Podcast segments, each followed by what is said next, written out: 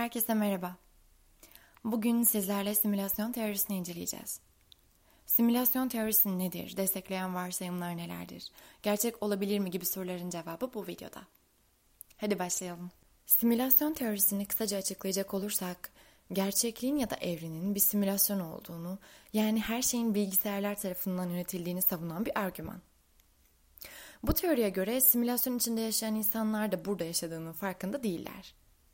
Elon Musk'ın da inandığı simülasyon teorisi gerçekten her şeyin bilgisayar yönetiminde mi düşüncesinin kafalarda soru işareti bırakmasına sebep oluyor.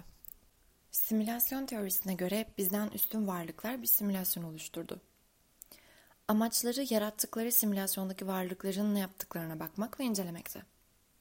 Ancak sonradan simülasyondaki varlıklar da bir simülasyon oluşturmaya başladılar ve onlar da başka varlıkları incelemeye başladılar. Yani bizler şu an kaçıncı aşamasında olduğumuzu bile bilmiyoruz. Tabii eğer bu durum gerçekse. Ve oluşturulan bu evrenler tamamıyla içindeki varlıkların haberi olmaması şeklinde tasarlanmış. Teknolojide ne kadar geliştiğimizi, son yıllarda çok büyük şeylere imza attığımızı biliyoruz. Elon Musk bu konu hakkında 40 yıl önce Pongo yaptık. İki dikdörtgen ve bir nokta oyunu. Şimdi 40 yıl sonra milyonlarca kişinin eş zamanlı oynadığı, foto gerçekçi, üç boyutlu simülasyonlara sahibiz ve her yıl daha da gelişiyor. Diyerek hem teknolojinin ne kadar geliştiğini hem de simülasyon teorisinin atıfta bulunarak bu konu hakkındaki yorumlarını belirtmiş. Gelelim simülasyon teorisini destekleyen varsayımlara. Teorinin ilk varsayımı evrenin ve evrendeki tüm varlıkların simüle edilebilir olması. Eğer bu durum mümkün değilse simülasyon teorisi yanlış kabul ediliyor. Ancak evrende gözlemlenen bir düzenin var olduğu ve bu düzenin sebep-sonuç ilişkisi içinde işlendiğini ve sebep-sonuç ilişkisi çözümlendiğinde sonuçların da bilineceğini bildiğimizden evrenin bu ve olasılıklı taraflarını biçimlemek mümkün. Yani ilk varsayım testten geçti. İkinci varsayım insanın evrendeki yerinin özel olmaması. Bu cümlede insan bilinci doğal evrimsel süreçlerle ortaya çıkabilmeli. Yani eğer insan bilincinin doğal yollarla oluşması imkansızsa simülasyon teorisinin ikinci varsayımı testten kalır. Bunun sebebi ilk simülasyonu yapan kişinin evrimsel bir süreç geçirmediğini gösterir. Ancak baktığımızda bu varsayım da doğru gibidir çünkü evrimsel biyoloji sayesinde bilincin doğal basamaklarını büyük oranda çözebiliyoruz. Son varsayımsa teknoloji yapıcı olmalı. Teknoloji her zaman insanlık yararına olumlu ve yapıcı olmalı. Eğer oluşturulan simülasyon yok etmeye yani yıkıcı olmaya başlarsa bu durum simülasyon teorisine ters kaçıyor.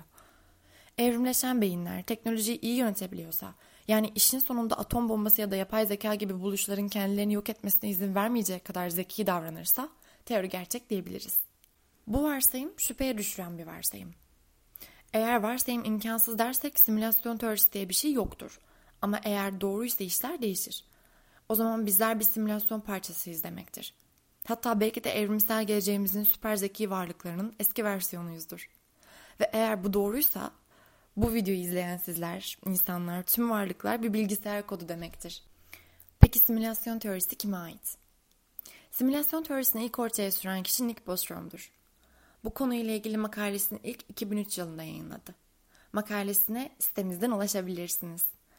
Bostrom makalesinde 3 ihtimal öne sürdü ve bu ihtimallerden birinin doğru olduğunu iddia etti. İhtimallerden birincisi insanlığın insan ötesi olaylara erişebilme olasılığının düşük olması. Ancak bu ihtimal yanlış gibi duruyor çünkü geçtiğimiz son 10-15 yıla baktığımızda bile simülasyon evrenlerini kullanarak ne kadar çok şeyi başardığımızı görebiliriz. Örneğin evrende ulaşamadığımız tarafların simülasyonlar sayesinde birçok yönünü çözmeye başladık bile. İkinci ihtimal ise insan ötesi evreye erişebilen uygarlıklar kendi evrimsel geçmişlerinin simülasyonunu yaratmakla ilgilenmezler. Ancak bu da yanlış gibi duruyor çünkü geçmişte yaşayan insanlardan bugüne kadar herhangi bir evrimleşme söz konusu varsa mutlaka kendi evrimsel tarihinin simülasyonlarını doğru olsa da olmasa da yaratmaya ilgi duyacaklardır. Ve eğer başarılı oldularsa bizler şu an üçüncü ihtimal olan simülasyon vardır gerçeğinin içindeyiz anlamına gelir. Belki de bizlerin anlamasının çok zor olduğu mükemmel dizayn edilmiş simülasyonlar içindeyiz. Ancak Bostrom yine de makalesinde direkt olarak simülasyonda yaşıyoruz dememekte. Ancak üçüncü ihtimal yanlışsa ilk iki ihtimalden biri doğru demek. O zaman hangisi doğru? Gelelim son soruya. Simülasyon teorisi çürütüldü mü? Teori az önce de bahsettiğim gibi birçok ihtimali ve argümana dayanıyor. Bu teoriyi sağlam bir şekilde destekleyen argümanlar da var, türden ihtimaller de. Henüz günümüzde kesin bir açıklığa kavuşmasa da cevabın bulunması hızla gelişen bu teknoloji sayesinde çok zaman almayacaktır. Simülasyon teorisi denince akla gelen popüler filmlerden biri olan The Matrix, izlemenizi önerdiğim filmlerden. İzlediğiniz için teşekkürler. Bir başka videoda görüşmek üzere. Diğer videolarımıza ve sitemizdeki diğer yazılara bakmayı unutmayın.